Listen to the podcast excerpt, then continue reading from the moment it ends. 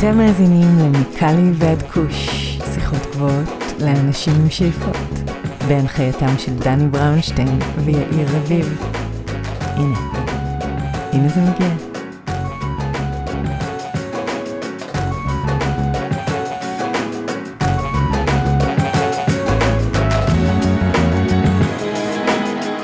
אהלן אהלן, מה קורה יאיר? הכל בסדר גמור דני, אנחנו אחרי שבוע סופש קשה עם אה, פיגוע בתל אביב ואני רוצה לציין אה, תנחומים למשפחות ההרוגים, היה לילה מאוד קשה. בהחלט לילה קשה, אני גם אה, ניסיתי לתפוס אותך באותו לילה. אנחנו בפרק 95 מקאלי ועד כוש היום, מארחים את סמיון ניידיס.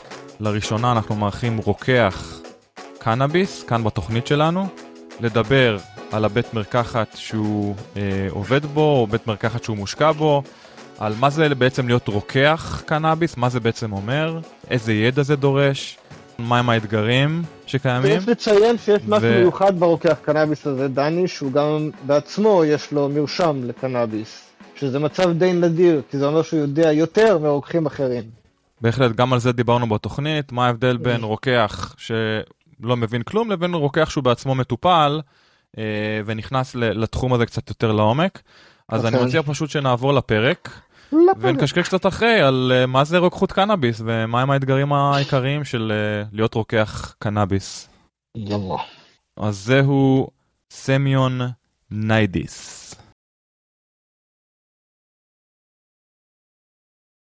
סיימון ניידיס, בוקר טוב, ערב טוב, מה שלומך?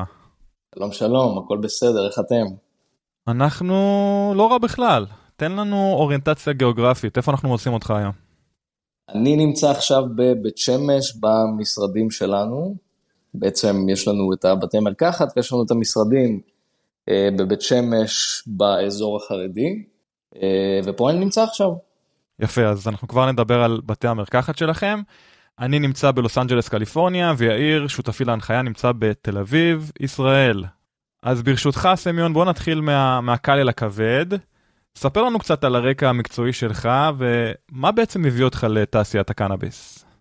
אז אני בעצם סיימתי לימודי רוקחות ב-2017, ותמיד ריתק אותי ככה פסיכו-פרמקולוגיה וכל מה שקשור לאיך חומרים משפיעים לנו על המוח. אה, ואז כשהקנאביס נכנס לעולם הרוקחות, אז זה היה בעצם איזושהי הזדמנות בשבילי להיכנס עמוק לתוך התחום הזה, כי קנאביס זה אחד החומרים היותר פסיכדליים, כמובן תלוי במינון ותלוי בצורה שבו משתמשים בו, אבל זה באמת היה משהו שראיתי בו כהזדמנות אה, להיכנס אליו ולתת בפנים את הידע שלי ואת האהבה שלי לתחום הפסיכופרמקולוגיה. חוץ מזה, גם למדתי משפטים והתמחיתי בעריכת פטנטים, אז נחשפתי להרבה מאוד טכנולוגיות בתחום הקנאביס, אה, גם בגידול וגם בדרכי מתן וטכנולוגיות של מתן רוקחי ולא רוקחי, ועבדתי גם בפירמה אחת הגדולות שבעצם עושות את רוב הטכנולוגיות, עושות את הפטנטים של רוב הטכנולוגיות אה, בתחום הקנאביס, וצברתי שם הרבה ידע וזה עוד יותר העמיק את האהבה שלי גם לפרח וגם לפסיכופרמקולוגיה, אה, וככה הגעתי בעצם לתחום הזה. יפה, אז אגב, מה זה פסיכופרמקולוגיה? אתה רוצה להסביר למאזינים שלנו, למי שלא מכיר את המושג הזה? כן, אז פסיכופרמקולוגיה זה למעשה אה, איך חומרים משפיעים על המוח שלנו. אה, אם אנחנו מסתכלים על הפרמקולוגיה, זה בעצם כשחומר עובר בגוף שלנו ונכנס למוח, ואז הוא נקשר לרצפטור ועושה איזושהי השפעה על הגוף שלנו. אמ, אז אפשר לראות בזה גם כאיזושהי השפעה שהיא פיזיולוגית, שהיא גופנית, ואפשר כמובן לראות את ההשפעה שהיא יותר אה, פסיכדלית או פסיכולוגית אה, או רוחנית אפילו. אה, ככה אני רואה לפחות את שני הדברים האלה. אז פסיכופרמקולוגיה זה באמת איך החומר משפיע פיזיולוגית על הגוף שלנו או על המוח שלנו. הבנתי. אז פאסט פורוורד ל-2022, למדת רוקחות ב-2017, איך הגעת לבית מרקחת? ספר לנו קצת על, על הבית מרקחת עצמו ועל התפקיד שלך שם. אז אני בעצם שותף ברשת בתי מרקחת שקוראים לה היי פארם. אמ, אני נפגשתי עם שאול, שזה סול קיי, אם אתם מכירים, אה, מייסד אייקן, אחד הכנסים הגדולים ביותר בעולם, אה, בארץ, או בעולם אפילו, בתחום הקנאביס שהתקיים עד עכשיו בתל אביב, ואחרי הקורונה בעצם הייתה איזושהי הפסקה, ואז הכרתי את שאול, וככה בעצם החלטנו במשותף שאנחנו מקימים רשת בתי מרקחת שהמטרה שלה תהיה באמת לקחת את התחום הזה לפן הכי מקצועי שאפשר. ואנחנו באמת אה, רואים היום שיש איזושהי בעיה, בעיקר ב, ב, בתחום הזה של המקצועיות של, של הרוקחים, שאין איזושהי, אין מספיק ידע לרוקחים, בואו נשים את זה על השולחן. הידע של הרוקחים הוא לא מספיק אה, מדויק, לא מספיק נרחב ולא מספק בתחום הקנאביס. אה, ואנחנו באנו באמת לתת מהידע שלנו למטופלים, כי ראינו שיש פה איזושהי בעיה בתחום הזה. האמת שזה נושא מאוד גדול וחשוב, אנחנו נמשיך לדבר עליו בהמשך הפרק. אבל אני רוצה שנייה קצת להבין, אני בכל זאת נמצא בלוס אנג'לס, אני פחות מכיר את התחום הרפואי בישראל. תאר לנו את תהליך הקנייה בבית המרקחת שלכם או בית מרקחת אחר על ידי מטופלי קנאביס רפואי מההתחלה ועד הסוף, והאם ההדרכה שאתם נותנים נמשכת גם אחרי תהליך הרכישה? אז בעצם אם מגיע מטופל חדש, אה, הוא עובר אצלנו הדרכה מלאה. אה, בדרך כלל מטופלים חדשים מגיעים או שיש להם איזושהי הכרה של הפרח מבחוץ, או שהם מגיעים לגמרי מנקודת אפס, שהם טבולה ראסה לגמרי ואין להם מושג. אז במקרה שהם בעצם מגיעים אה, עם איזשהו ידע בשמנים או בתפרחות, אז אפשר לכוון אותם פחות או יותר לאיזה זנים ללכת, או איך להשתמש בדברים האלה יותר נכון. אה, בעיקר כאלה, לדוגמה, שהם מערבבים טבק כי הם רגילים לעשן עם חברים ביחד עם טבק, אז כמובן ההנחיה היא תמיד לנסות להוריד את הטבק, ואנשים ש... ש... ש... שהם חדשים לגמרי, אז בעצם עוברים הדרכה שהיא מלאה, מאפס. בעצם אנחנו יושבים איתם, ובדרך כלל אנשים כאלה, אנחנו מבקשים שהם יגיעו בשעות ההפסקה שלנו, בין 2 ל-4, בשביל לתת להם ממש תשומת לב. כי לפעמים החמש דקות שיש לנו לכל מטופל בדלפק, זה לא מספיק בשביל לתת למעשה את כל הנקודות שאנחנו רוצים להעביר למטופלים. אז אותם מטופלים חדשים בעצם מקבלים אה, את כל ההדרכה, כולל שימוש במכשירי אידוי, או שימוש בשמן, אם נרשם להם להשתמש בשמן, אה, ואנחנו יושבים איתם ומכווינים אותם לזנים, כמה שאפשר, כמה שהחברות אה, נותנות לנו מידע לגבי זנים ולגבי טרפנים, כמובן מדריכים אותם על שמנים ועל שיטות אידוי שונות, כי אנחנו תמיד קודם כל מנסים לקחת מטופלים שלנו לכיוון של אידוי ולא לכיוון של עישון. יפה, האמת שזה נושא חשוב מאוד, אנחנו מדברים הרבה על אידוי כאלטרנטיבה בריאה יותר לעישון, אז בהקשר לתהליך הרכישה, האם אחרי שהלקוח, המטופל, רוכש את הקנאביס שלו, האם יש איזה סוג של פולו-אפ אחרי זה, לראות האם זה עזר לו, האם זה הועיל, האם זה היה חזק מדי, חלש מדי? אה, וכולי? אז כן, אז קודם כל אנחנו נותנים להם תמיד את הוואטסאפ שלנו, ויותר מזה, ברגע שזה מטופל חדש, אני נותן לו את המספר האישי שלי, ומבקש ממנו שייתן לי איזשהו פידבק, איך זה היה לו, איך זה השפיע עליו, האם, האם היו לו איזה תופעות לוואי, כי בדרך כלל יש בעיה אצל מטופלים חדשים, שהם מתחילים להשתמש, ואו שהם צורכים יותר מדי ומקבלים איזה התקף חרדה, או שזה לא משפיע עליהם בכלל. אז במקרים כאלה תמיד צריך לתת את ההכוונות הקטנות או גדולות, אה, וככה בעצם אנחנו מצליחים לכוון את המטופלים להשתמש בקנאביס בצורה הכי טובה. אז כן, או שאנחנו נותנים להם את המספר שלנו בוואטסאפ, או שאנחנו נותנים את המספר שלי האישי, והרבה פעמים באמת מתקשרים או רושמים לי בוואטסאפ ומתייעצים איתי לגבי איך להמשיך, איך לשנות, איך להתכוונן עם, עם הטיפול שלהם. עכשיו באותו נושא, האם אתם מדברים עם מטופלים שלכם גם על נושאים מורכבים יותר, כמו עודף צריכה של קנאביס, אה, תלות והתמכרות, אה, בדיוק דיברנו בפרק הקודם על התמכרות לקנאביס, האם זה נושא שעולה ביחד עם המטופלים, יחד עם הרוכשים, או שזה משהו שאין לכם זמן או אין לכם את ה-capacity לטפל בנושאים מורכבים כאלו?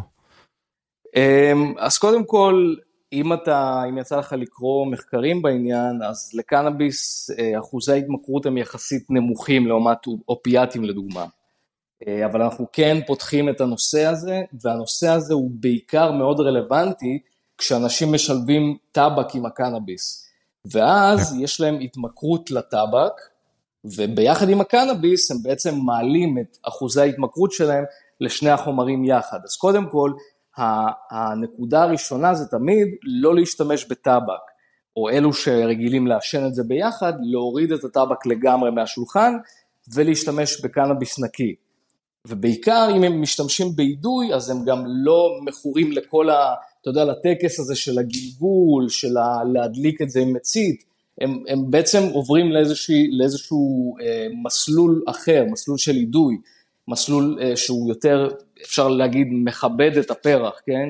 אתה גורס אותו, אתה שם אותו בתוך המכונה אה, הקטנה הזאת, סוגר אותה, מפעיל, ויש איזשהו ניקיון, יוצא לך איזה שהם עדים הרבה יותר נקיים, בלי עשן, בלי, בלי הדברים האלה שאנשים לפעמים מתמכרים לטקסים או, או לטבק, לניקוטין, שהוא מאוד מאוד ממכר. אז כמובן, אנחנו כן נוגעים בנקודות האלה של ההתמכרות, והנקודות הראשונות זה באמת לא לגעת בניקוטין, לא לגעת בטבק, ולנסות לעבור לאידוי או שמנים. הבנתי. אז דיברנו על בעצם אה, חינוך של מטופלים או הדרכה, ובנוסף לזה, מה מבדל אתכם בהיי פארם בהשוואה לבתי מרקחת אחרים שמנגישים קנאביס רפואי למטופלים? כי אני יודע שגם בבתי מרקחת אחרים אה, יש הדרכה כזו או אחרת למטופלים. אז קודם כל, רוב הרוקחים אצלנו בבית המרקחת הם בעצמם מטופלים, אוקיי? כל אחד סובל מבעיה כזאת או אחרת, בין אם זה כאבים, בין אם זה דברים יותר נפשיים, אז נקודת המוצא הזאת היא נותנת לנו איזשהו פור, כי אנחנו באמת יכולים להתחבר יותר בקלות למטופלים, כי, כי אי אפשר להסתכל על זה כמו על כדור אקמול. אמ, הקנאביס הוא באמת פרח מאוד מורכב, והניסיון של האנשים עם הפרח הזה נותן בעצם איזשהו, איזושהי דלת להתחבר יותר טוב למטופל. ויותר מזה, ברגע שהם יודעים שאתה גם צורך, אז הם, הם קל להם יותר להיפתח בפניך ולפתוח את הבעיות שלהם בשימוש, או להתייעץ איתך, זו באמת נקודה מאוד מאוד חשובה. ואני יודע ש, שהרבה מאוד רוקחים לא יכולים להגיע לזה כי הם לא מטופלים, או כי, כי הם לא מכירים או לא רוצים לגעת בזה, אבל באמת, אה, רוקחים שיש להם ניסיון של שימוש קודם, אוקיי? מטופלים, שהם רוקחים שהם מטופלים, יש להם איזשהו פור על אותם אנשים שאין להם את זה, אוקיי? יותר מזה, אמ, אנחנו בדיוק לא מזמן השקנו את ה-High Academy, שזו אקדמיה שאנחנו מעבירים אותה לרוקחים, וזו אקדמיה שהיא מעבר לקורס ש... שנותן היקר. היקר נותן איזשהו קורס שהוא יותר לכיוון המדעי, הוא מספר על קשירת החומרים לרצפטורים, על תופעות הלוואי, על כל מיני מחקרים, אנחנו נותנים יותר את, ה...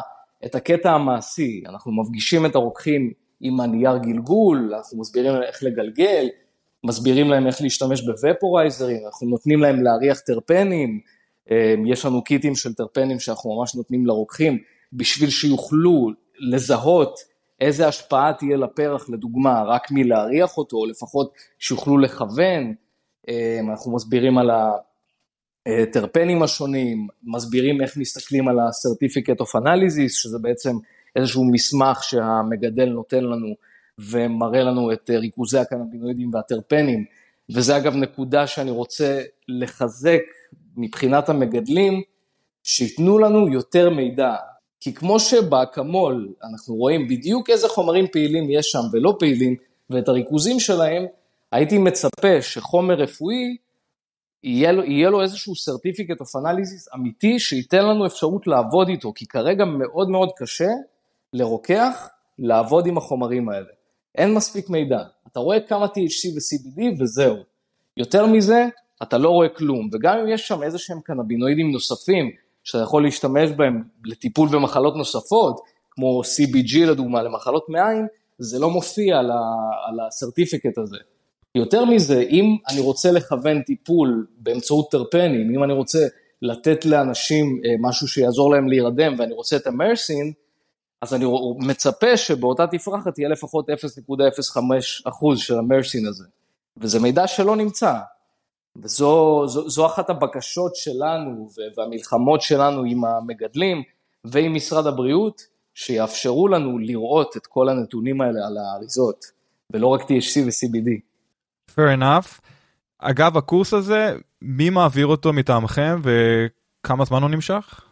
אז זה קורס בעצם שמעבירים אותו גם אנחנו הרוקחים ואנשים מתחומים נוספים, לדוגמה אה, מגדלים, אה, אנחנו עושים את זה בשיתוף עם חוות גידול, אנשים שעוסקים יותר ברוחניות, אה, כי יש משמעות מאוד רוחנית גם לטיפול, מעבר למשמעות הקלינית והפרמקולוגית, או רוחנית או פסיכולוגית, איך שתרצה להסתכל על זה. ועוד כל מיני אנשים שקשורים לדוגמה לעניין, לפן החוקי בקנאביס, האם מותר לנהוג אה, בזמן שאתה משתמש בקנאביס. אה, אנחנו גם מזמינים את אה, דנה בר-און, שתספר לנו קצת על הפן, החוק, כלומר על הפן של המחוקק, כן? על לאיזה כיוון אנחנו הולכים, האם אנחנו הולכים לכיוון לגליזציה, האם אנחנו הולכים לאיזשהו כיוון אחר. אה, בעצם מנסים לתת ל, לרוקחים את כל המכלול שהיה חסר להם ביקר, בקורס של היקר, אנחנו מנסים לתת להם אותו בקורס הזה שלנו. יפה, אז דיברת על לגליזציה, ובהנחה שקנאביס יהפוך להיות חוקי לשימוש פנאי בישראל בשנים הקרובות, אם זה שנה, שנתיים או אם זה חמש שנים, בנוסף לתהליך הדיגיטליזציה שעובר על התעשייה בשנים האחרונות, עד כמה לדעתך בתי המרקחת יישארו רלוונטיים בשוק שכזה, ואילו פעולות, אם בכלל, אתם עושים כדי להישאר רלוונטיים בעתיד בשוק לשימוש פנאי? אז בשביל להישאר רלוונטיים, באמת אה, צריך שהרוקח ידע לשלב, כלומר, הוא צריך לדעת להיות גם קלינאי וגם בד טנדר. אוקיי, הוא ממש צריך לדעת לתת איזשהו מכלול טיפולי שהוא מעבר ל- ל- לידע הקליני שיש לו, מעבר ל- לידע הזה של חומר שנקשר לרצפטור. הוא צריך לדעת גם את זה, אבל הוא צריך לדעת גם איך לקחת את הידע הזה ביחד עם ה... להסתכל על הפרח, להגיד אם זה פרח בריא, להגיד, לדעת, לכוון את המטופל לפי הריח של הפרח, איזה אפקט הוא ייתן, וביחד עם זה להסתכל על התרופות שהמטופל מקבל ולהגיד לו האם התרופות האלה מתנגשות לדוגמה עם הקנאביס או האם צריך לעשות איזה שהם אה, טוויקים לגבי הטיפול שלו. בעצם הרוקח צריך להיות מקצוען גם בפן הקליני וגם בפן הפנאי נקרא לזה ככה או הפנאי או, או הפן ה, אה, שהוא פחות קליני. מה יש כרגע תרופות שיש עליהן אינדיקציה ברורה שצריך להרחיק אותן מקנאביס? אין איזה משהו שהוא לגמרי, בוא נגיד, אה, התוויית נגד, אבל כן יש אזהרות, אה, בעיקר ב-CBD. אה, CBD הוא מעכב כל מיני אנזימים או משפל אנזימים אחרים שיודעים לפרק, ולהרכ...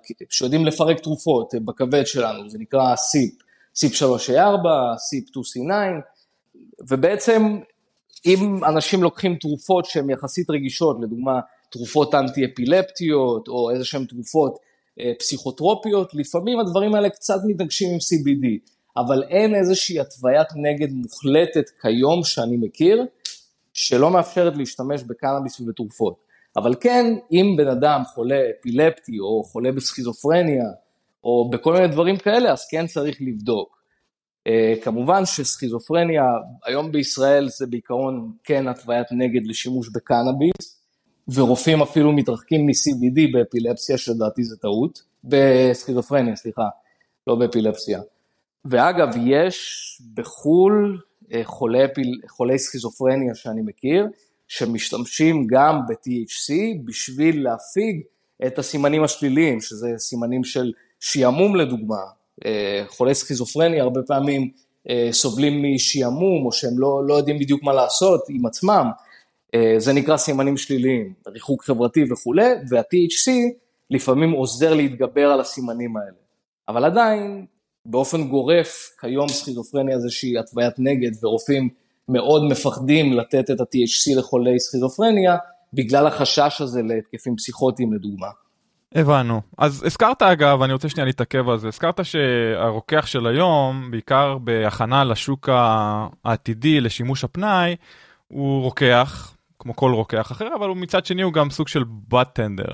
אז זה בעצם נשמע שהרוקח, בדומה לשוק הקנאביס הרפואי, אה, אבל למטופלים שהופכים להיות ממטופלים רפואיים, חלקם אה, מטופלי פנאי, אז גם הרוקח הוא מצד אחד כביכול אה, אוטוריטה רפואית או, או יועץ מהבחינה הזאת, אבל מצד שני זה רוקח פנאי. אני מנסה להבין את ההבדל בין גם הגישות וגם התהליכים, רפואי מצד אחד, פנאי מצד שני. אתה לא חושב שזה קצת יותר מדי לבקש מרוקח להיות גם בת טנדר? אני חושב שאם נתנו לרוקח את האפשרות הזאת, או את היכולת הזאת לנפק קנאביס, אז הוא צריך להתייחס לזה במכלול. הוא, אם נותנים לרוקח לנפק אקמול, הוא צריך להתייחס לזה כתרופה שעושה ככה וככה. אם הוא מסתכל על הקנאביס, אז הוא צריך להסתכל על זה כתרופה או כחומר שעושה כל מיני דברים. זו הסיבה שאני בעצם מאוד מבקש מהחברות שייתנו לנו את מכלול המידע על הצמח שאנחנו מנפקים. וככה אנחנו נוכל להיות גם בד טנדרים במרכאות, אבל בצורה שהיא באמת מקצועית, ולא בצורה שהיא, אח שלי, בוא תפתח את השקית, בוא נריח, כן? לא לכיוון הזה אני לוקח אותך, אז אלא לכיוון של... אז זה לא הולך של... לשם? כאילו סתם אני, אני מנסה לחשוב על סיטואציה כרגע... תיאור, תיאורטית שנכנס מטופל פנאי, כן? או כאילו מטופל שיש לו נגיד התוויה רפואית מאוד קלה, בא לרוקח אומר תן לי משהו שיפוצץ אותי, תן לי משהו ש... שיעיף אותי גבוה, עם הכי הרבה TEC שיש. הרוקח אומר לו הנה זה הכי חזק שיש לי והנה זה זה זה שיחה שהיא הרבה יותר נשמעת לי כשיחת נכון. פנאי עם בת טנדר ומטופל שהוא לא ממש נכון. מטופל. נכון, וזאת שיחה שבאמת אנחנו שומעים אותה, ב, בוא נגיד 70-80 אחוז מה, מהניסיון האישי שלי, 70 אחוז מהמטופלים, זה מה שאתה שומע. אמ, וזה ככה לוקח אותנו לכיוון של איזה מטופל זה, האם זה מטופל פנאי או זה מטופל רפואי. ו- וזה משהו שאני באמת לא אוהב לשים את הסטיגמה, כי אולי זה שהוא רוצה שזה יפוצץ לו את המוח, זה בגלל שהוא חולה PTSD, והוא לא יכול לישון. אז זה שהוא זורק לך את זה, בוא תן לי משהו שיפוצץ לי את המוח, אתה צריך אולי לחקור טיפה יותר לעומק למה הוא מתכוון. כשאתה שואל אותו ממה אתה סובל, אז לפעמים הוא אומר, אני לא מצליח לישון, או יש לי סיוטים, ואז אתה בעצם יכול להגיע לנקודה שבה אתה הופך מלהיות אה, נטו בד טנדר לבד טנדר וקלינאי. אז איפה בעצם אנחנו כתנועה, אתם כרוקחים, איפה אנחנו כתעשייה טועים או טעינו בכל מה שקשור בחוזק המוצר והפוטנטיות שלו. למה זה, למה רוב הלקוחות, גם פה בקליפורניה וגם המטופלים בישראל, למה רובם כן מעדיפים מוצר עם THC כמה שיותר גבוה? אתה דיברת על חינוך והדרכה. אתה חושב שאנחנו בסוג של תהליך, שאנחנו משנים את הפרדיגמה הזאת של אה, אם יש לך יותר THC זה מוצר יותר טוב? תראה, לפחות אנחנו גם, אגב, יש לנו ערוץ uh, טיק טוק וערוצי אינסטגרם עם עשרות אלפי uh, משתמשים, והרבה מאוד סרטונים שאנחנו נותנים לאנשים, אנחנו מסבירים בעצם למה אחוזי ה-THC הם לא בהכרח מה שייתנו להם את ההשפעה הכי חזקה ואת ההשפעה הכי טובה, כי כולנו יודעים שיש את אפקט האנטוראז' uh, שהוא גם, שוב, גם אפקט האנטוראז' זה לא משהו מדעי ולא משהו מוכח, זה משהו שיותר בא מניסיון, למרות שיש את המאמר המפורסם אה, של אחד החוקרים הגדולים שדיבר על אפקט האנטוראז' והוא כן מצא איזה שהם אפקטים אה, משתלבים בין טרפנים וקנבינואידים, אבל באמת אה, אנחנו מנסים לחנך את האנשים להפסיק להסתכל בתפריט על פרחים שיש להם את ה-THC הגבוה ביותר. ולאט לאט באמת אנשים שנותנים לך את ההזדמנות ומנסים פרח שהוא באחוז THC נמוך, פתאום ההשפעה שלו היא הרבה יותר טובה. פתאום הם מרגישים הרבה יותר טוב, פתאום הפרח הרבה יותר יפה, הוא הרבה יותר בריא. כי הרבה פעמים גם המגדלים אה, מוציאים הרבה מהמים מתוך הפרח, ואז נשאר לך פרח עם אחוז גבוה מאוד של THC, אבל הוא יבש לגמרי. ואין בו טרפנים, כי הרי אנחנו יודעים שהשכבת לחות מגנה על הטריכומות מפני שבר, וברגע שאנחנו מאדים את כל המים, אמנם, נכון, אחוז ה-THC עולה, אבל הטריכומות נשברות והטרפנים יוצאים, ואז אנחנו מאבדים את אפקט האנטוראז'. אז כן, אנחנו באיזשהו מהלך מאוד משמעותי של לחנך את האנשים להפסיק לרדוף אחרי THC גבוה, ולהסתכל על פרח איכותי, פרח בריא, ויותר מזה גם לשלב CBD. לאלה שחווים התקפי חרדה לדוגמה, ומרגישים מאוד רע אחרי שימוש בפרחים עם THC גבוה, אנחנו כן ממליצים להם להוסיף CBD למרשם שלהם, והרבה מהם באמת עושים את זה, ומרגישים הרבה יותר טוב. אז אתה אומר בעצם שזה עניין של תהליך ואנחנו פשוט בעיצומו של התהליך הזה שבסופו אנחנו כן, כן נראה אנחנו, יותר אנחנו צרכנים משתגלים. יותר צרכנים שמסתכלים גם על מוצרים אחרים לאו דווקא על מוצרים עתירי THC. נכון אבל שים לב שגם המגדלים הם מאוד מכוונים את המטופלים לקחת את ה-THC הגבוה. כי, כי אם תסתכל על קטגוריה של T20 מול T15 תראה שב-T20 יש לא יודע 100 זנים וב-T15 יש 10 זנים. אז יש לך פי 10 יותר מבחר ב-THC הגבוה, אז כמובן שמראש המטופל לא ירצה בכלל לבקש מהרופא, או שהרופא לא ירצה לרשום אותי 15 כי אין מה לבחור. אז זה אומר שהמטופל ינסה שני זנים, וזהו, אין לו מה לעשות עם זה. השאלה אם זה, גם... השאלה אם זה ביצה ותרנגולת, כי אני מבין שרוב נכון. המגדלים בארץ מגדלים מוצרי, מוצרים עתירי THC, מצד שני אתה אומר שלשם השוק מושך אותם, אה, במרכאות. נכון. אז, אז אם באמת רוב הלקוחות מעדיפים מוצרים כאלו, אז אתה יודע, המגדל אה, יודע שאם הוא יגדל משהו עם פחות מ-20%, אף אחד לא יקנה את זה. וזה מה שקורה, ואתה צודק לגמרי, אתה יכול לראות גם שמוצרים שיש בהם 18% THC או אפילו 20% THC, המכירות יורדות באופן משמעותי, ממש. כשיוצאת אפילו אצווה שהיא גרועה של פרח מסוים, ופרח אחר שהוא באצווה מאוד מאוד טובה, אבל THC נמוך, ה-THC הנמוך פשוט לא נמכר. ואז, ואז אתה גם רואה את זה על, על חברות. אתה רואה את הירידה פתאום של המניה, אתה רואה הפסדים מאוד מאוד גדולים, וזה באמת הפסדים, כי אין מכירות. זה לא שאתה אומר שיש קצת מכירות או שהמכירות יורדות, זה מ-0 ל-100, ממש ככה. מטורף. אז בק... וזה כואב. דיברנו על, על ההכשרה של הרוקחים שלכם, אני רק רוצה להבין, איך אתם מוודאים שהאינפורמציה שאתם מעבירים עדיין רלוונטית ועדכנית? כי כמוך, גם אנחנו יודעים שהמידע אה, גדל ומתפתח עם השנים, איך אתם נשארים רלוונטיים? איך אנחנו, אתה שואל איך אנחנו מעשירים את הידע שלנו כן, בשביל איך, להעביר את זה. איך הרוקחים נשארים רלוונטיים אז... מבחינת המידע? אתה יודע, אנחנו בפודקאסט, אני יכול להגיד לך, יש פרקים שהקלטנו לפני שנה וחצי, חלקם הקטן mm-hmm. פחות רלוונטיים היום. אה, אם זה הנושא שהוא פחות okay. אוקיי. רלוונטי, אם זה טרנד שאתה יודע, שפעם היה רלוונטי לפני שנתיים שלוש והיום הוא נעלם לחלוטין, או ההפך, טרנדים שפתאום צצו להם, איך אתם כרוקחים נשארים עם היד על הדופק? אז קודם כל, אני וכל הרוקחים שבקבוצה שלנו, אנחנו תמיד קוראים מאמרים בשביל להשאיר את הידע שלנו, ואנחנו מעבירים את רוב המאמרים האלה גם למטופלים באמצעות הטיק טוק, וגם לרוקחים שמגיעים אלינו, שהם עובדים אצלנו, הם עוברים את ההכשרה של היי אקדמי. ועכשיו, כשנפתח את האקדמיה שלנו לקהל הרחב, מעבר לקורס הבסיסי, אנחנו הולכים לפתוח גם קבוצת וואטסאפ. בקבוצה הזאת אני הולך לפרסם סרטון פעם בשבוע לאיזה שהם חידושים, או איזה שהם שינויים, או מחקרים חדשים שיצאו, גם השפעות שהן פרמקולוגיות, גם איזה שהם קנבינואידים חדשים שמצאו. לדוגמה ב-2019 מצאו את ה-THCP, של איזשהו קנבינואיד שהוא חזק פי 30 מה-THC והוא נמצא בפרחים. אז תחשוב מה יקרה אם עכשיו אה, אגרונומים או איזה שהם חוקרים יוכלו למצוא את המסלול או את האנזימים יכולים להביא לרמות מאוד גבוהות של THCP ולתת פרחים ש, ש, ש, שחזקים פי 30 ממה שקיים היום, זה יהיה לגמרי משחק שונה, אתה כבר תהיה במשחק של פטריות הזיה ו-LSD, כן? בקנאביס.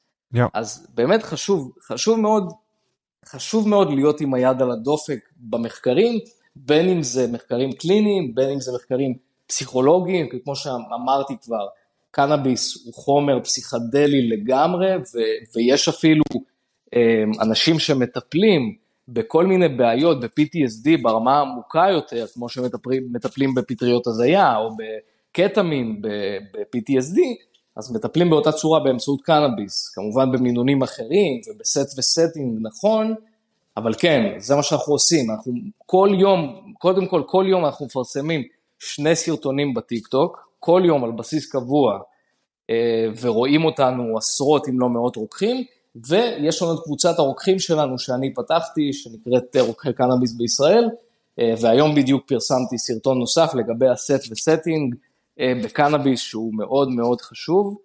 זה, זה, זה, זה בעצם הכלים שלנו, קבוצת הוואטסאפ, קבוצת פייסבוק גם שיש לנו, שנקראת תשאל רוקח קנאביס, כמו שיש קבוצה של תשאל רוקח, פתחתי גם קבוצה של תשאל רוקח קנאביס, שבה מטופלים שואלים על, אה, בעיקר מתחילים, שואלים על דרכי צריכה נכונות, על שילובים עם תרופות, על איך משתמשים נכון. אנחנו משתדלים להיות בכל חור, מה שנקרא, ברשתות החברתיות, כי שם נמצאים האנשים היום. אז אפרופו רשתות חברתיות, אה, אני רוצה לדבר על פרסום בתחום הקנאביס שהוא מאתגר ומוגבל, לפעמים גם דרך אותן אה, רשתות שהזכרת. אז באילו כלים שיווקיים אתם משתמשים כדי לשווק את בתי המרקחת שלכם?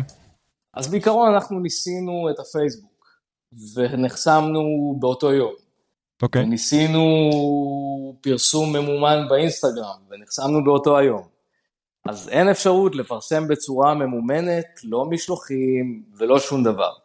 אז הדרך היחידה היא לתת מידע אורגני, ומה שמאפשר את זה, אבל גם בקושי רב, ואני עד היום מתקשה בזה מאוד, זה הטיק טוק, שזה פרסום אורגני שמאפשר לך חשיפה מאוד גדולה, והאינסטגרם, כשזה אינסטגרם רילס לדוגמה, וכל הכלים האלה שמאפשרים לנו לדבר עם אנשים באופן אורגני, אמ, אבל גם שם אני מקבל חסימה כמעט כל יומיים שלושה, וכשזה חסימה זה אומר חסימה ל-48 שעות, לשבוע, לפעמים יותר מזה, בגלל אנשים שמדווחים. אני לא יודע בדיוק מי מדווח, אבל אנשים מדווחים שאנחנו מלמדים לצרוך סמים או משהו כזה, כן? זה לא משנה.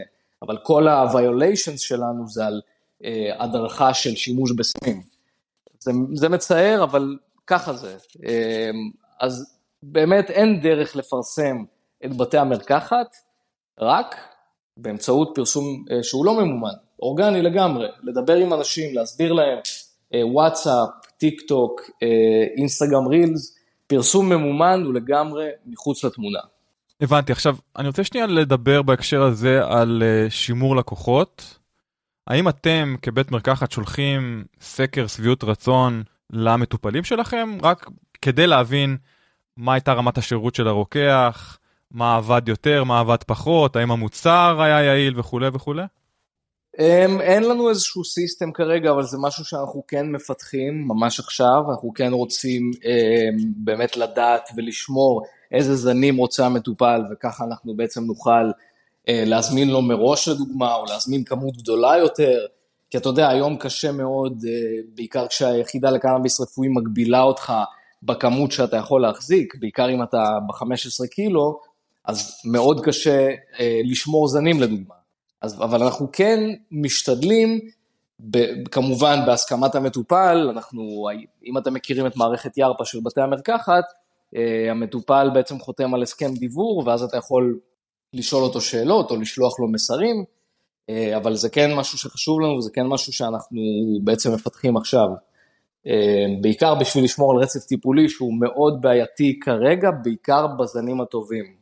אגב, ירפה, אתה רוצה לספר לנו שנייה על המערכת? אני יודע שיאיר מכיר אותה, אני פחות מכיר את המערכת. אתה רוצה אה, לספר לנו בכמה מילים? ירפה, כן, ירפה זה פשוט המערכת שכמעט כל בתי המרקחת עובדים איתה. זה מערכת לניהול שהוא לא קשור לקנאביס, ניהול מלאים אה, של תרופות, פשוט יש שם את החיבור לכל קופות החולים. אה, חיבור ליחידה לקנאביס רפואי, חיבור לכל מיני גופים פרטיים, זה פשוט איזושהי מערכת שנותנת לך את כל הכלים האלה. לפעמים יש איזושהי הרגשה שזה בגלל שהיא המערכת היחידה הם איזשהו מונופול, ואין לך בעצם איזה שהן חברות מתחרות, יש את פארמסופט אבל הם הרבה יותר קטנים, ורוב הכוח באמת נמצא אצל ירפה, אז כל העבודה היא מולם. לפעמים זה טוב, כי, כי גוף גדול בדרך כלל, אתה יודע, יש לו, יש לו יותר עובדים, יש לו יותר כוח, ולפעמים זה פחות טוב, כי הם, כי הם היחידים, והם יכולים לעשות כל מה שעולה על רוחם, כן? אגב, מבחינת, כל מונופול. מבחינת ירפה והמידע שאתם אוספים, האם מותר לכם לשמור חלק מהמידע הזה, והאם אתם, אתם משתמשים בו גם? לדוגמה, מכירות של זנים ממשפחות מסוימות.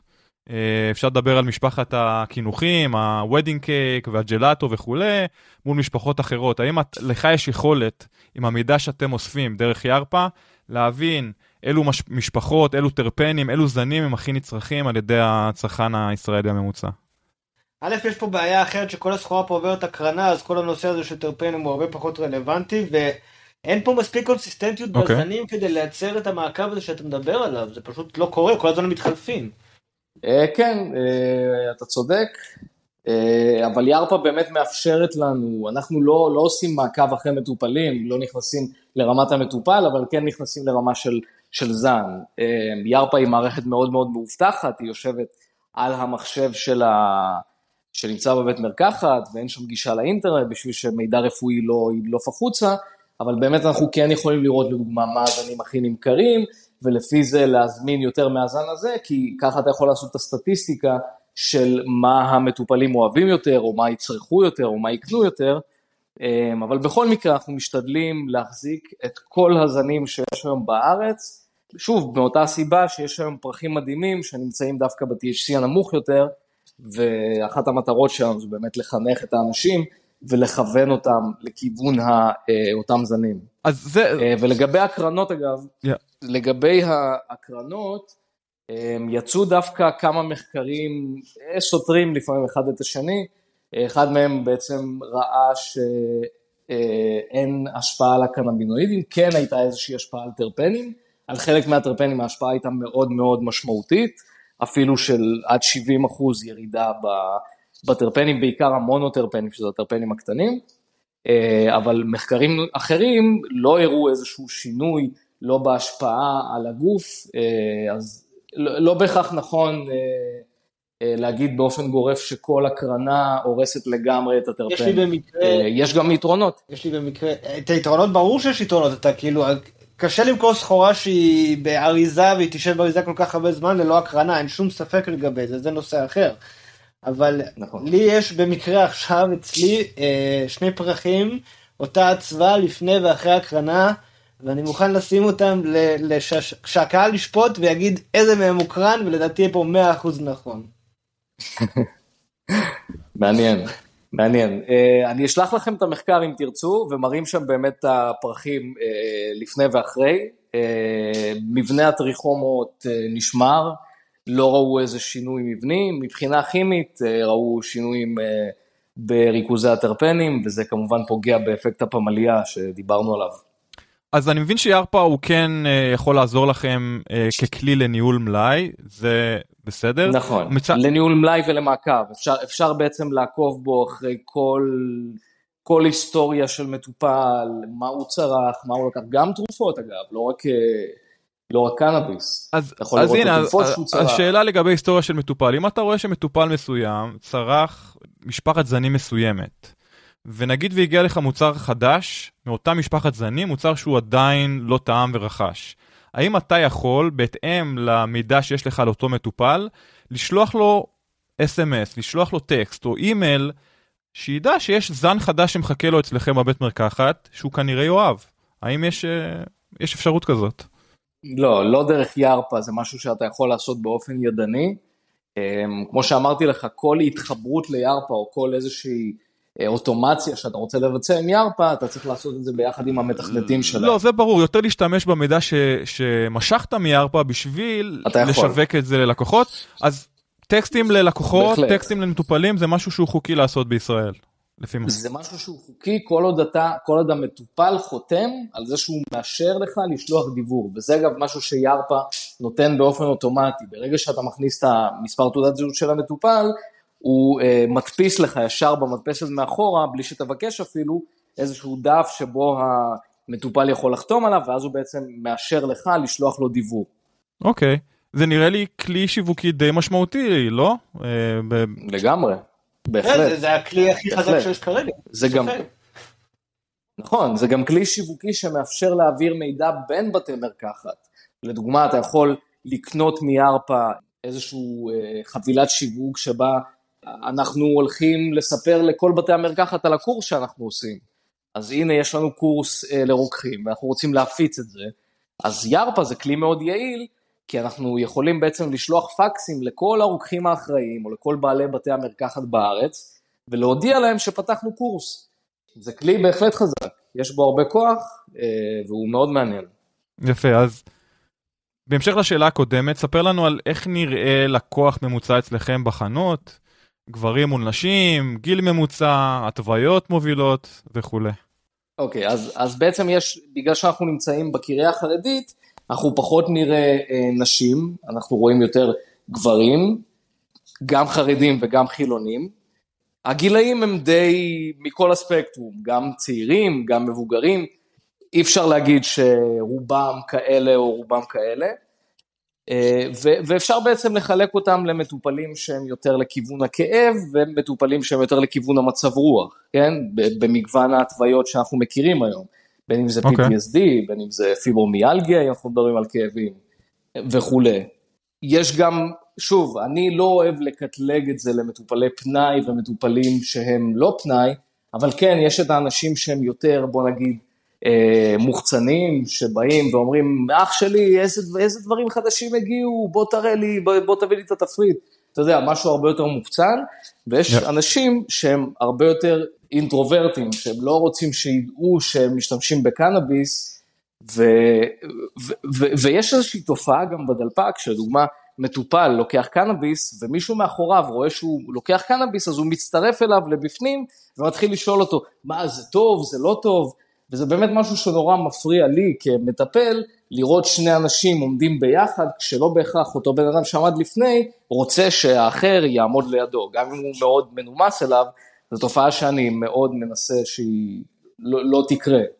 מה, מבחינת חיסיון רפואי, מבחינת פרטיות, מאיזו בחינה? מכל הבחינות, גם מבחינת חיסיון רפואי, וגם מבחינת זה שאותו בן אדם שעומד מולך, אולי לא בהכרח רוצה שידעו מה הוא לוקח. לא רוצה שידעו שהוא לוקח קנאביס, ברגע שמתחיל להיווצר הדיאלוג הזה ביניהם, ומצטרפים עוד אנשים, אז זה נהיה ממש חגיגה. ו- ואנשים לא, לא נעים להם פשוט. אז, אז אני תמיד דורש שלא יהיו שני אנשים בדלפק בו זמנית, שתמיד יהיה אחד, וכשהוא מסיים, הם יכולים לדבר בחוץ על מה שהם רוצים, אבל בפנים זה תמיד בן אדם אחד שעומד ומקבל את הטיפול. אוקיי. Okay. אז אתה אומר שרובם גברים, גילאים משתנים, התוויות שונות, אה, אם זה התוויות פנאי במרכאות והתוויות רפואיות. נכון. נקרא לזה קלאסיות. נכון, אבל אני אה, מניח שאם תסתכל באזורים אחרים בארץ אתה לא תראה נגיד רוב של גברים, או שכן, אני לא, לא יודע. אה, אבל אצלנו הרוב, של, הרוב הוא גברי בגלל, אולי גם בגלל המיקום שלנו, שהוא ממש בלב הקריה החרדית. עכשיו, מתי אנשים צורכים את הקנאבי שלהם, אה, סליחה, מתי הם רוכשים את הקנאבי שלהם בשעות היום? האם זה יותר לקראת שעות הערב או בעצם כל היום? אה, משלוחים אנחנו רואים יותר בשעות הבוקר.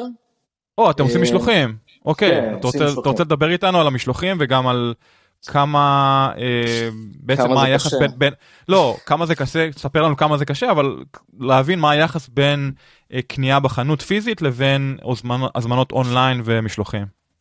אז כרגע אנחנו במצב שרוב ההזמנות, רוב הקניות הם במטופלים פרונטליים, אה, חל, חלק פחות גדול, אולי 20 אחוז כרגע זה אה, בהזמנות אונליין, אנחנו מאוד מאוד מכוונים, גם מבחינה טכנולוגית, שכל הטיפול שלנו, או לא כולו, אבל לפחות להנגיש את זה כמה שיותר לכמה שיותר מטופלים, אה, יש לנו טכנולוגיה מאוד מאוד פשוטה, שבן אדם נכנס, בוחר את הזנים, אה, זה שומר לו את האשראי, אין, אתה יודע, כמה שיותר קל, הוא מעלה את המרשם שלו, הוא מעלה את הרישיון, המערכת הזאת מייצרת כבר את כל הטפסים לשליח, השליח אה, יכול לסרוק, אחרי שהרוקח עושה את הניפוק מאחורה, הוא יכול לסרוק ולעשות בעצם את כל הניפוק, אבל כשזה ככה, אנחנו בעצם מנתקים את הטיפול או את הרוקח מהמטופל, וזה בעצם הופך לנטו אה, משהו שהוא, אתה יודע, משהו מאוד מכני. אה, אבל בגלל זה גם משרד הבריאות והיק"ר לא מאשרים למטופל חדש לעשות שילוח על המרשם הראשון. כשזה מטופל חדש הוא צריך להגיע לבית המרקחת. הבנתי, עכשיו כמה מוצרים יש לכם בחנות? כמה SKUs יש לכם בחנות סך הכל? אני אה, מדבר על מוצרי קנאביס ספציפית. אני חושב שסביב ה-250 שונים. 250 שונים, יפה. 250 מוצרים שונים, כן, שזה כולל שמנים, שזה כולל תפרחות. כמה, כמה אחוז אה, השמנים לוקחים מכל הפאי הזה, מכל העוגה הזאת? אמ, אני מניח ש-20 אחוז אולי. וואו, יחסית גבוה. המספרים שאני חשוף אליהם זה 10 אחוז. תראה, אז, אז שוב, אני חושב שזה גם עניין של מיקום. לדוגמה אצלנו, בגלל שאנחנו נמצאים באזור חרדי, אז יש את העניין של לצרוך קנאביס בשבת, כן, ואז כן. משתמשים הרבה יותר בשמנים. כן. אז אנחנו רואים יותר רכישות של שמנים אצלנו, או בחגים לדוגמה, או בכל, אתה יודע, כל תקופה שהיא, שאי אפשר להדליק באש. Yeah. למרות שאנחנו כן מכוונים אנשים גם לשימוש בוולקנו לדוגמה, שכן אפשר להשתמש בו בשבת עם שעון שבת. ואז הוא מנפח לך את השקית לפי התזמון שלך. אה, אז יש פתרון גם לזה, אבל כן, אה, בעיקר תפרחות, אה, שמנים פחות, אבל יותר מאזורים אחרים בארץ. וכמה בתי מרקחת יש היום בישראל שמוכרים קנאביס רפואי? אני לא יודע, אני חושב שעשרות רבות. בערך? עשרות, עשרות רבות, לא. אני לא יודע, עשרות. אולי מאה, אוקיי. אולי, אולי אפילו יותר ממאה. אני, אני כמעט בטוח שיותר ממאה. אוקיי, מעניין. יותר ויותר בתי מרקחת נרכשים היום על ידי חברות קנאביס גדולות. שהמטרה די ברורה סך הכל, לשלוט שליטה מוחלטת בשרשרת הייצור והאספקה. האם גם מטרת העל שלכם היא להימכר? תראה, זה לא מטרת העל שלנו, אבל, אבל גם אם נימכר, אז, אז כן, ה, העקרונות שלנו, הבסיס שלנו, הדרישה שלי לפחות ושלנו כ, כיזמים, זה ש, שהבסיס יישאר אותו בסיס, בסיס מקצועי, אה, בסיס של הדרכות של רוקחים, ש, שלא יהיה מצב שרוקח שחוזר מהקורס של היקר, לא יודע על מה הוא מדבר ולא יודע לכוון את המטופל. אז הרכישה זה בסדר, רכישה זה עניין של מניות, אבל המהות של החברה זה לתת איזשהו שירות מקצועי אמיתי, כן? לא שירות אה, חצי מקצועי ולא... ממש לתת את כל הקומפלקס ולאפשר למטופל באמת לקבל את השירות המקצועי והטוב ביותר. אז כן, רכישה זה נחמד, כי זה, זה כסף, זה מניות, אבל המהות נשארת אותה מהות. אז אתה לא שולל את זה, אבל זאת לא המטרה בכל אופן. אני לא שולל רכישה, זה לא איזושהי מטרה, אנחנו גם לא עושים את הצעדים שלנו לכיוון הזה, כי אחרת כבר היינו עושים את זה מזמן. זו הסיבה שאנחנו מקימים את האקדמיה, זו הסיבה שאנחנו, שאני לפחות, שעות על גבי שעות ברשתות החברתיות כל יום בשביל לחנך מטופלים ולחנך רוקחים. ולתת להם מידע. אם בשביל למכור לא צריך לעשות את כל הדברים האלה, אנחנו רוצים לשמור על העקרונות האלה.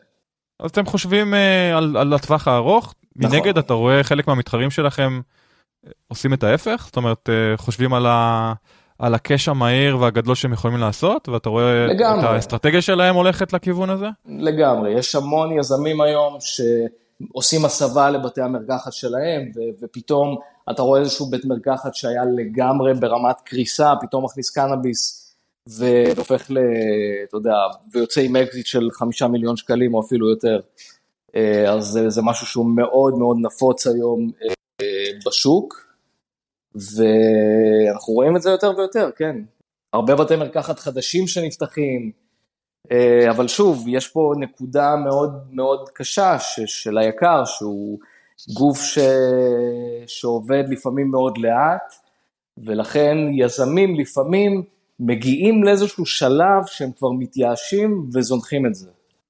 בקשר, ל... בקשר לב... באמת ליזמים ש...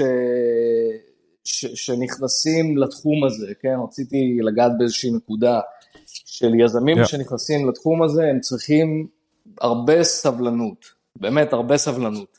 כי אתה עובד פה עם רשויות ממשלתיות, וזה לא משנה באמת אם זה היקר או זה מס הכנסה או כל גוף אחר, צריך באמת עצבי ברזל מה שנקרא. כי זה המון לחכות, וזה המון להתקשר ולשאול, וזה כל הזמן תביא לי אישור כזה, תביא לי אישור מהמשטרה, תביא לי אישור מכיבוי אש, ותביא לי אישור של מיזוג אוויר, ותביא לי אישור של אין סוף אישורים. זה פשוט לא נגמר, זה בירוקרטיה מטורפת.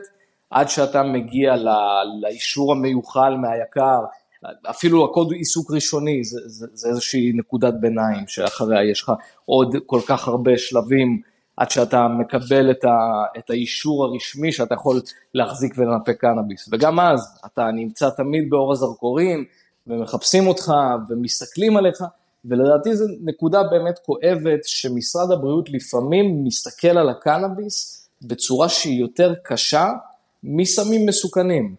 לדוגמה, הקנאביס נמצא תחת מערכת שהיא ארצית, אוקיי? אי אפשר לנפק את הקנאביס במקום אחד, ואז אותו מטופל ילך למקום אחר וייקח עוד קנאביס. אי אפשר לזייף מרשמים כאלה, כן? כל המרשמים האלה עוברים איזושהי בקרה של משרד הבריאות.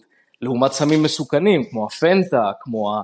לא יודע, ריטלינים, סטימולנטים, כל הסמים הרבה יותר ממכרים והרבה יותר מסוכנים, מכאן, אתם יודעים, מקנאביס הרי אי אפשר, אין אוברדוז לקנאביס ש, שגורם לפטאליות, אין מוות מקנאביס, אבל מאופיאטים, yeah. כמובן שיש. אז, אז לאופיאטים דווקא הפיקוח הרבה פחות משמעותי, כי לדוגמה אני יכול להדפיס עכשיו עשרות מרשמים לפנטה, לזייף חותמת, לחתום עליהם ולקחת מרשם בכל בית מרקחת. זה משהו שאני לא יכול לעשות בקנאביס. אז הקשיים האלה שמערימים עלינו, גם משרד הבריאות וגם היקר, לפעמים זה, זה לא ברור ממה זה נובע ולמה זה לא נמצא דווקא בסמים הבאמת מסוכנים וכן נמצא בתחום הקנאביס. אוקיי, okay, מעניין, אפשר לחזור על זה כי יש גם עוד שאלה שקשורה ליזמות. אז ברשותך אני רוצה לעבור לכמה שאלות אישיות. אוקיי. Okay. אני יודע שאתה בעצמך מטופל קנאביס רפואי. איך אתה צורך את הקנאביס שלך, ומה הם הזנים האהובים עליך? אז תראה, אני בדרך כלל משתמש באידוי, אה, משתמש בעיקר ב-CBD, אה, די קשה לי לתפקד עם THC, אה, אז הצריכה שלי היא באידוי, ולפעמים גם בעישון.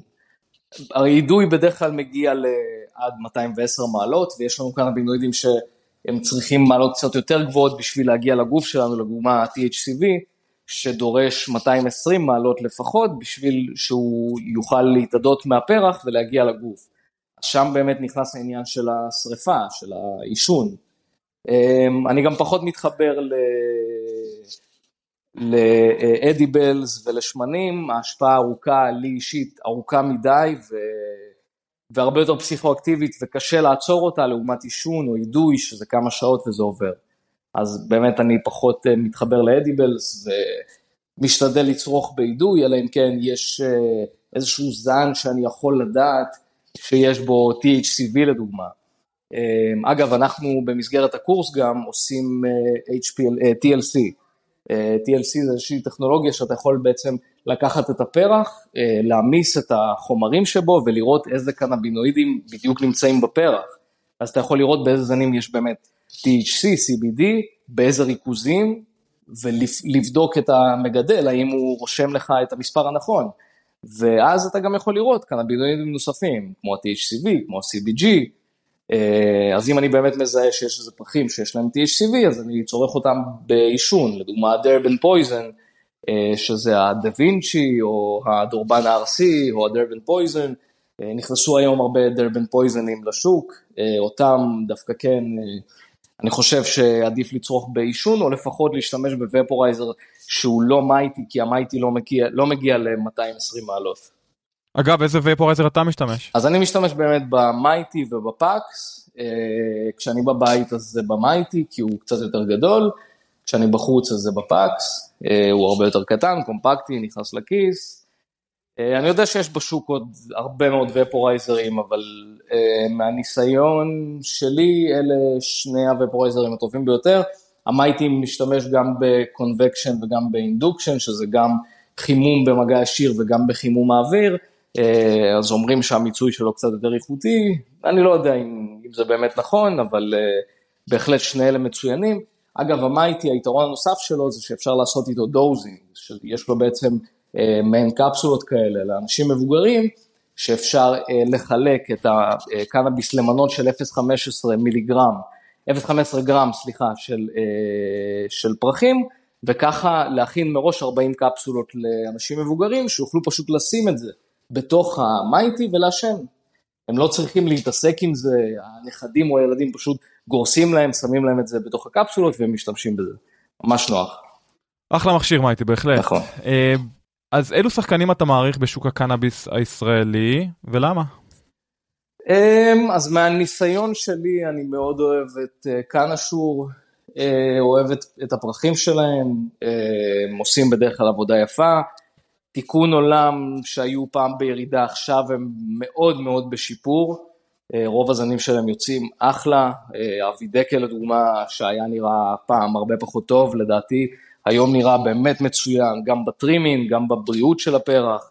אתה רואה שהוא פרח יפה, איכותי, אין לו כל מיני עלים, אין לו שוונצים, אין גבעולים, שזה משהו שהיינו נוהגים לראות אה, אז, כשלא היו הרבה חברות, המטופלים היו מקבלים מה שנקרא שקיות הפתעה, שזה פרחים שבמצב פשוט לא, לא הגיוני, ברמה של חולות, כן? היום אנחנו ב, במקום אחר לגמרי. אז כאן אשור אני מאוד אוהב, Peace Naturals, אה, גם אחלה חברה, הם השקיעו גם באריזה, זה בא בקופסה, משהו שאפשר, אה, ששומר על הפרחים גם, ואז אפשר להוסיף לבפנים גם את הבובדה, אה, שזה השקית לחות, ולשמר את הפרחים.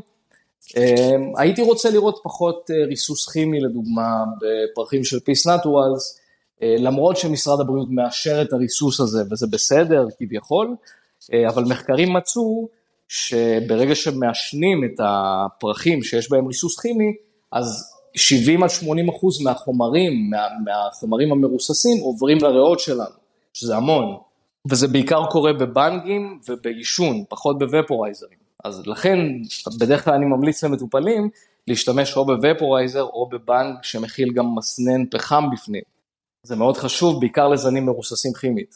מה זה בנג עם מסנן פחם? אה, זה פשוט בנג שיש לו בפנים איזשהו סינון פחם או סינון כותנה, ואז החומרים הכימיים בעצם נתפסים שם, והם לא עוברים לריאות שלנו.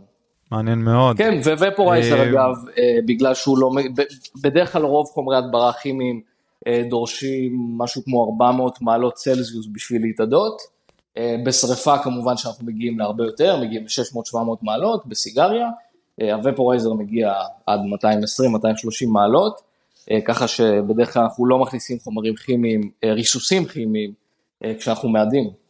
אז אילו קטגוריות אחרות מרגשות אותך בשוק הקנאביס העתידי שבא עלינו לטובה? אז אני באמת הייתי רוצה אולי לראות קטגוריות שמכילות קנאבינואידים נוספים, אבל באמת שהן מכילות אותם, ולא אה, להבטיח גנטיקה שמכילה את ה-THCV, כשבפועל אין שם באמת ה-THCV.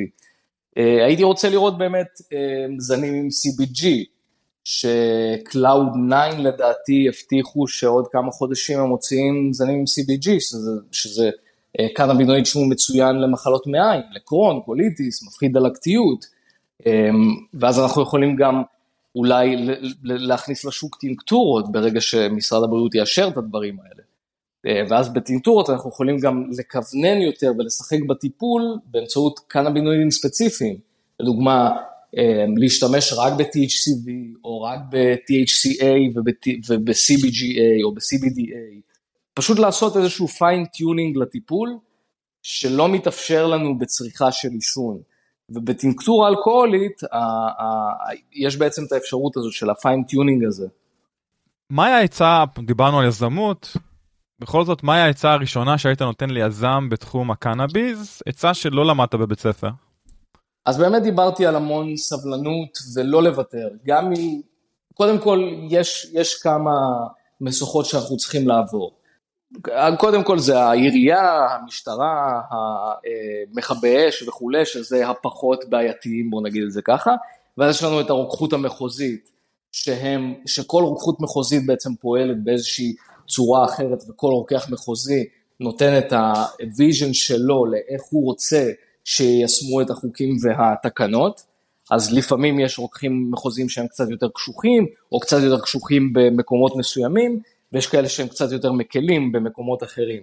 אז לעשות את המחקר מלפני איזה רוקחים מחוזיים פועל, פועלים באיזה צורה, ו, ותמיד לפעול בנחישות, לא לוותר.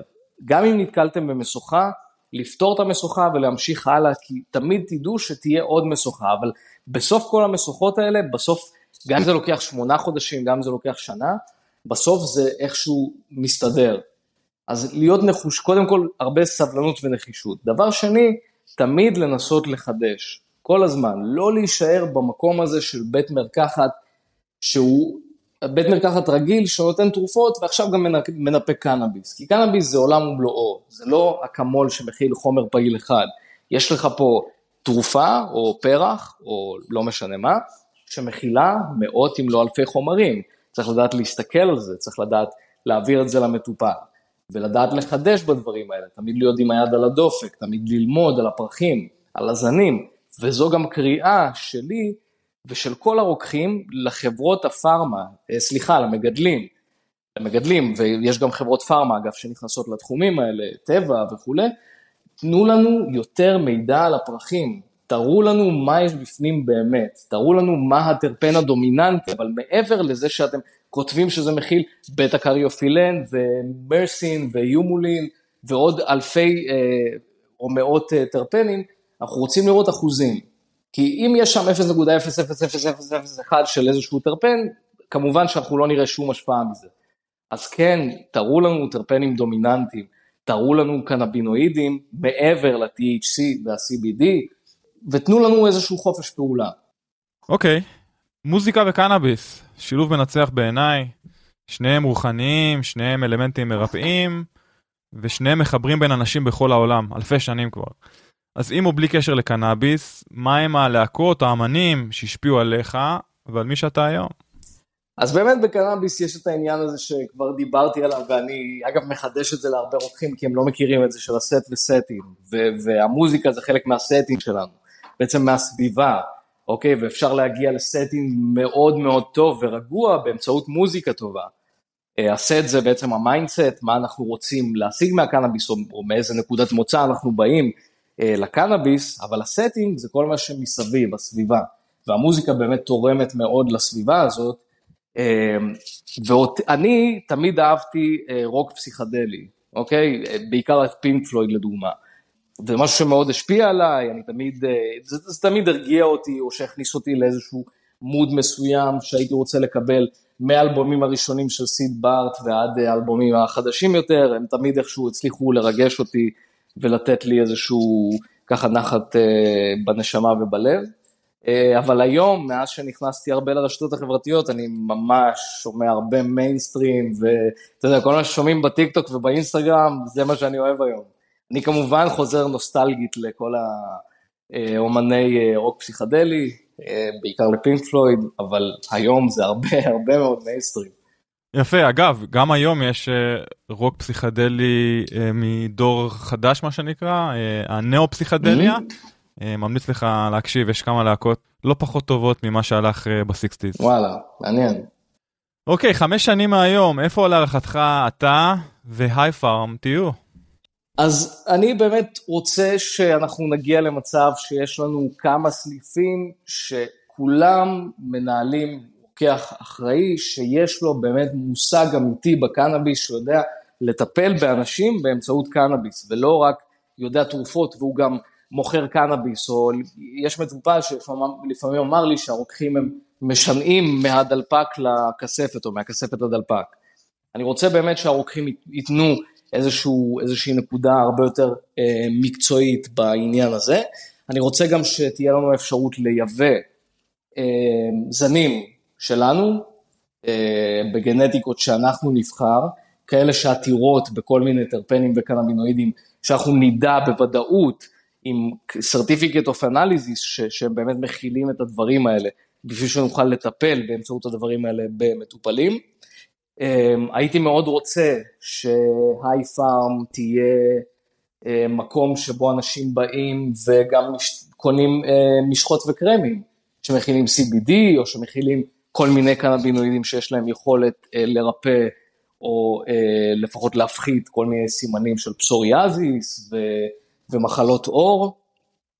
אמ, טכנולוגיות yeah. חדשות, אם ייכנסו, אנחנו מאוד רוצים שזה יגיע גם אלינו, אה, ותמיד להישאר בפן המקצועי, שתהיה לנו באמת קליניקה שבה המטופל מגיע למעבר שיחה, מעבר לשיחה של 20 שניות או חצי דקה או דקה עם הרוקח, בשביל שיביא לו את הזן ושהוא ילך, באמת איזשהו חדר טיפולים, אותו אה, חדר ייעוץ רוקחי שה, שמשרד הבריאות אגב מחייב להקצות לו שטח לא קטן מבית המרקחת, שהרוקחים ישתמשו בו בשביל לתת ייעוץ רוקחי ולא בשביל לאחסן בו קלסרים.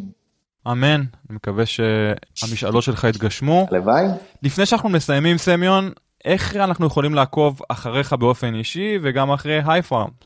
אז כמו שאמרתי, אנחנו נמצאים בכל חור, בכל רשת חברתית. גם בטיק טוק, ששם אנחנו הכי פעילים ויש לנו שם קרוב ל-20 אלף אה, עוקבים, אה, גם באינסטגרם, קוראים לנו שם, אגב, קוראים לנו שם קאנה פארמסיסט, שזה כאילו רוקחי קנאביס, כן?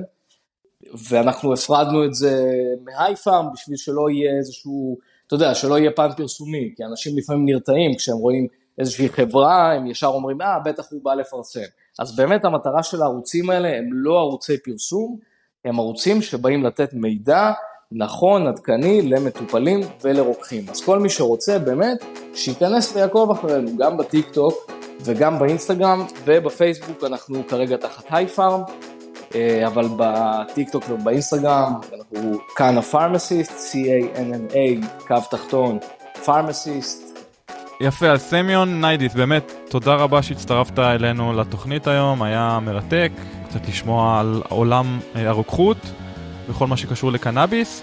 מאחלים לך הצלחה רבה בהמשך, אז תודה רבה שוב. תודה רבה לכם.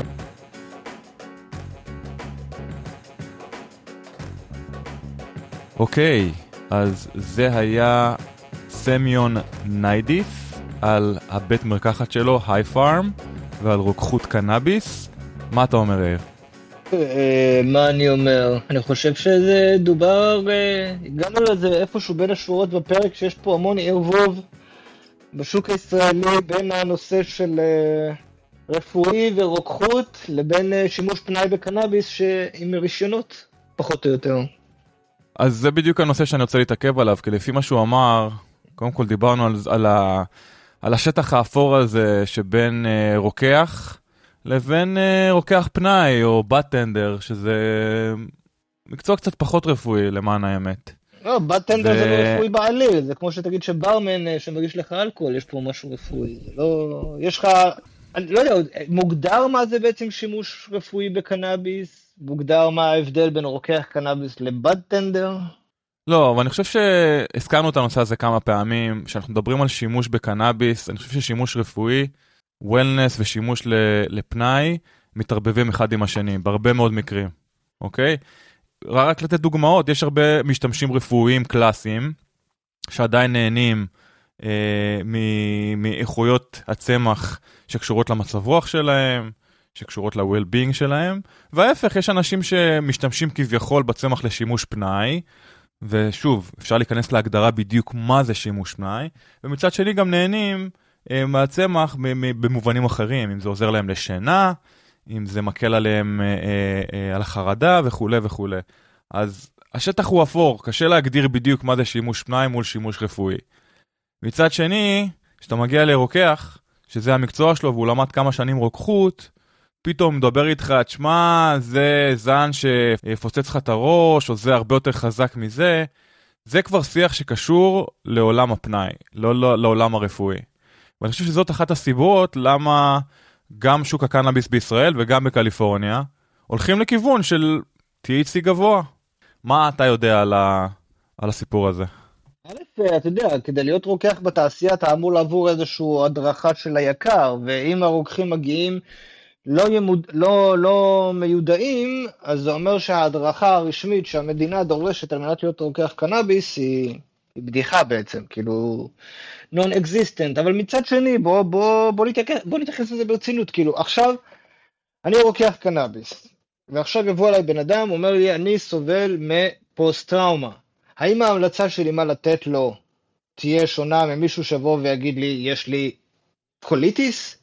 אני חושב שכל המשחק פה הוא מוכוון אה, T גבוה, אלה במקרים שאתה לא יכול לתת אה, T ואז כל הסיפור הוא סביב C, שזה מאוד מצומצם לילדים ו...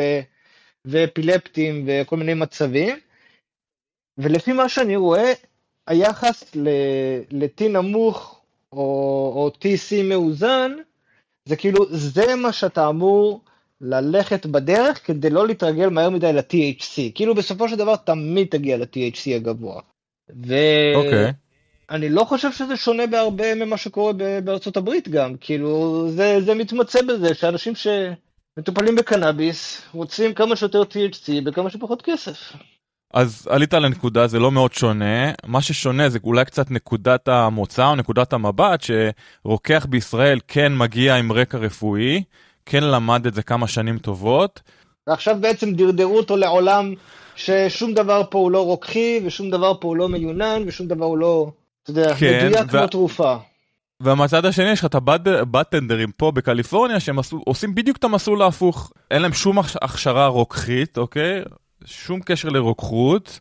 מדובר באנשים לרוב בני 20 פלוס, שיש להם קשר אישי כזה או אחר לקנאביס, אבל רוקחים הם לא, אוטוריטה רפואית הם בטוח שלא, עדיין ממליצים למטופלים או ללקוחות שבאים לחנות שלהם לגבי התוויות, לגבי איזה מוצר אה, יהיה טוב להם לאיזה, לתופעות מסוימות.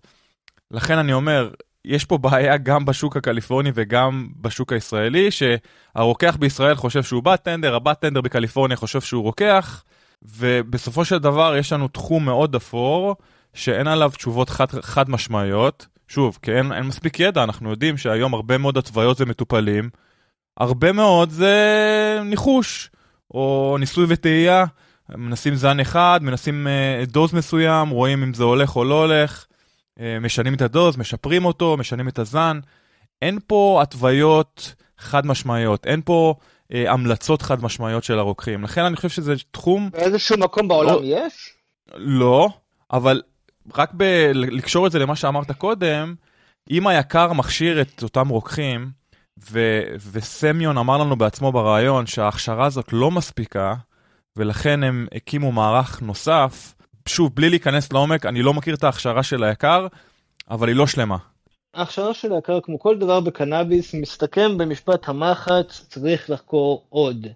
עכשיו, מה זה המחקרים האלה של העוד ש, שיש לאנשים לעבוד איתם? אלה מחקרים של חברות, נניח עכשיו, חברת קנאביס X רפואי, תצא במחקר שהיא עשתה על המוצרים שלה, והיא תגיד ש-95% מהאנשים שהשתמשו בשמן X ויש להם Y, קיבלו הקלה בסימפטומים. בזה זה מסתכם. Okay. אוקיי. עכשיו, אין לך ביקורת שאומרת, אוקיי, ואם הייתי נותן להם שמן יותר חלש, או הייתי נותן להם דליברי מתוד אחר, זה כאילו, אתה יודע, זה משהו מאוד מאוד כללי. הבן אדם הזה דיווח על שיפור במצבו בעקבות שימוש בשמן הזה. אבל זה הכל סביב אה, תחושות ומצב רוח. זה בדיוק ההבדל בין אנקדוטה למח... למחקר קליני, לא? זה ההבדל לא, בין לא- אנקדוטה. בין סיפור, למחקר קליני, שאתה מנסה קבוצות שונות של אנשים עם מצבים שונים, שלוקחים סמים שונים, עם מערכת אנדו-קנבדואידית שונה, מול סיפור אחד, שאתה אומר, אוקיי, היה פה בן אדם או מטופל אחד שלקח מוצר אחד עם תופעה אחת, וזה עזר לו. אתה יודע מה, אז אם אתה, אם אתה בכלל רוצה להתחיל את הסיפור הזה מהבסיס, אז כאילו אם אתה עושה איזשהו מחקר, ובוא נגיד שהסיפור הזה של לנד uh, מיי והשבע מערכות אנדוקנבינואידיות שלו הוא לגיטימי, אז אני חושב שלפני ש... שאתה עושה את המחקר שלך, אתה צריך לבודד את האנשים עם קבוצת, עם מערכת אנדוקנבינואידית מסוימת, כי בהגדרה מה שיעזור להם לא בהכרח יעזור לאחרים, אם אני מבין את זה נכון. בהחלט, כן, זה אחד האתגרים. קיצור, מה אני אגיד לך? שלא... בסופו זה אה. מסתכם בזה שאנשים אחרי השפעת קנאביס מרגישים יותר טוב. זה מקל על כאבים, זה מרפא על שרירים, והסיפור הוא סיפור של uh, מה עושה לך טוב, מאשר סיפור של uh, רפואה ולמצוא את המולקולה המדויקת שתעשה ככה וככה. אפרופו מולקולה מדויקת, אתה חושב שעוד 5-10 uh, שנים, שיהיה קצת יותר מחקר, האם יהיו תרופות מוכוונות שהרופא ידע בדיוק כמה לתת ומה לתת לתופעה מסוימת, או שאתה חושב שאנחנו שנות אור מהמצב הזה? אני, אני חושב שכל עוד יש את הנושא הזה של קנאביס לא חוקי, ומולו יש קנאביס רפואי, אז כל הסיפור הזה של קנאביס רפואי הולך להיות, להיות מאוד מאוד מעורבל בנושא של זאת הדרך היחידה להשיג קנאביס, אוקיי? זה לא רפואי הסיפור. חד משמעית. כאילו תרופות מבוססות קנאביס או תרופות מבוססות קנבינואידים, קנבינואידים חדשים, כאילו שוב אנחנו מדברים על שוק שהוא 95 אחוז, T20, כאילו, ו- ואם כבר יש לך משהו אחר זה CBD, איפה נכנסים כל המולקולות האחרות עם כל ההבטחות הגדולות ש- שגלומות בהן? זה לא שם. בהחלט, וזאת אחת התלונות של סמיון ברעיון, שהוא אמר, החברות בעצם רק מראות להם כמה THC ו-CBD יש במוצרים, אבל לא יודעים כמעט שום דבר אחר מעבר לזה. אין כמעט שום דבר אחר מעבר לזה. כאילו, זה לא שיש לך עכשיו... אין CBN, אין... אה, אין קניבדואידים אחרים, אין קצת טרפנים, אין... דבר ראשון, היקר מתייחס ל-CBN כבעיה, כאילו, צריכים, אתה מנסה לשמור את זה מתחת לרף מסוים. אה, זה דבר אחד. דבר שני, זאת אומרת, היקר לא מכיר, היקר לא מכיר את ה-CBN בתור uh, קנבדואיד שיכול לסייע בבעיות שינה? Uh, מישהו שראיינת מכיר ב-CBN כיכול לעזור בבעיות שינה? גם אנשים שציפית שזה מה שהם יגידו, אמרו, תקשיב, אנחנו לא יודעים עדיין. המחקר לא חד משמעי. Uh, אני חושב שמתוך המרואיינים שלנו היה אחד בכיוון של CBN לא מבטיח שום דבר וגם לא מקיים, והיה גם כאלה שכן ציינו את ה-CBN כקנבדואית שכן מראה בצורה כזו או אחרת סיוע בש... לשינה. אני מניח שאין לנו תשובות חד משמעיות היום. אז הנה, שוב חזרנו ל... אין תשובות חד משמעיות. זה בעיה, אתה מבין? אתה, בגלל שהגישה לצמח היא דרך המסלול הרפואי ושני הנושאים מתערבבים יחד, אתה מגיע למצב מגוחך של uh, רוקח מסביר לסטלן מה הוא צריך לקחת. אז בוא, בוא, בוא, בוא, נצא עם כמה עצות פרקטיות מהפרק הזה. היום מטופל שמגיע לרוקח, מה הוא רוצה לשמוע מרוקח? בשביל להבין אם הרוקח שעומד מולו הוא איש, בוא נגיד חצי מקצועי, ויש לו אה, מספיק ידע בשביל אה, אה, לייעץ, מול רוקח כזה שאין לו מושג. מה, מה אתה מצפה מרוקח שייתן לך, או שיענה לך? עכשיו שאני, שאלת שאלה מעולה, דני, שאלה ממש טובה. ואני חושב שמה שהיה ממש מרשים אותי, אם הייתי מגיע לרוקח, והייתי מתייעץ איתו, ואומר לו, תקשיב, לי יש ככה וככה, ואני רוצה ש... שתמליץ לי על משהו. ואתה יודע מה היה העיף לי את הסכך? אם הרוקח הזה עכשיו יפתח מחברת, והוא יגיד, אוקיי, יש לי, אני אוסף מידע מהחבר'ה שבאים לפה. ואני מדבר איתם, מי שמוכן לשתף אני רושם לעצמי בצד, רק כדי שזה יעזור להם בעתיד. אז לאנשים שיש X כמו שלך יש, וכך וכך מהם לקחו את הזן הזה, והם היו מרוצים. או, ואני, יפה. ו- וכך וכך לקחו זן אחר, והם היו פחות מרוצים. אז אני חושב שמאחר ואתה אומר שיש לך את זה, אז לפי המחקר שעשיתי, זה מה שכדאי לך לקחת. אבל אתה יודע מה אני רואה היום בבתי מרקחת? ואני נמצא מלא בבתי מרקחת? אחי, הג'אנגל דרים הזה יפוצץ לך את הצורה, קח אותו. הלקוחות עפים על זה, קח את זה. כן. הבעייתיות שהוא דיבר עליה, בדיוק זה, לא? זה... זאת אומרת, רוקחי פנאי שממליצים על המוצרים הכי חזקים ביותר. זה לא על המוצרים החזקים ביותר. לא, לא. זה על המוצרים שהם עכשיו, כדי לקבל אותם במחיר מיוחד, הם היו צריכים לקנות 60, ואז הם קיבלו עוד 40 במתנה, ועכשיו הכי חשוב לו להיפטר מזה. אז זה מה שהוא ימליץ לך. יפה. בעייתי מאוד, לא? כן, כן, בעייתי מאוד. בעייתי מאוד. זה שם את ה... זה, זה לא המקום שהרוקח רוצה להיות בו, כי הרוקח באמת, אתה מבין, כאילו זה איש שלמד את המקצוע הזה הרבה מאוד שנים, הוא רוצה שיהיה לו מידע, ייעוד בידיים, שהוא באמת יכול לעזור איתו לאנשים, אבל זה לא המצב שנוצר כרגע. חד משמעית. אז הוא נהיה איש מכירות, שצריך להעיף סחורה, במקום להמליץ על המוצר האמיתי שיכול להועיל למטופל. כן, אתה יודע, תמיד יש לך איזה שהם שיקולים מסחרים, אין פה שום ספק, אבל uh, זה, זה מצב, uh, מצב מוזר מאוד לכל הצדדים. אתה יודע, תחשוב, okay. אוקיי. תחשוב על, אנחנו רואים את עצמנו בתור צרכ, צרכני קנאביס, אבל תחשוב על איזה סבתא בת 70, או לא סבתא בת 70, סתם אישה בת 70 שמקבלת משם לקנאביס, אין לה מושג, כולה חוששת מהדבר הזה בגלל שנים של סטיגמה.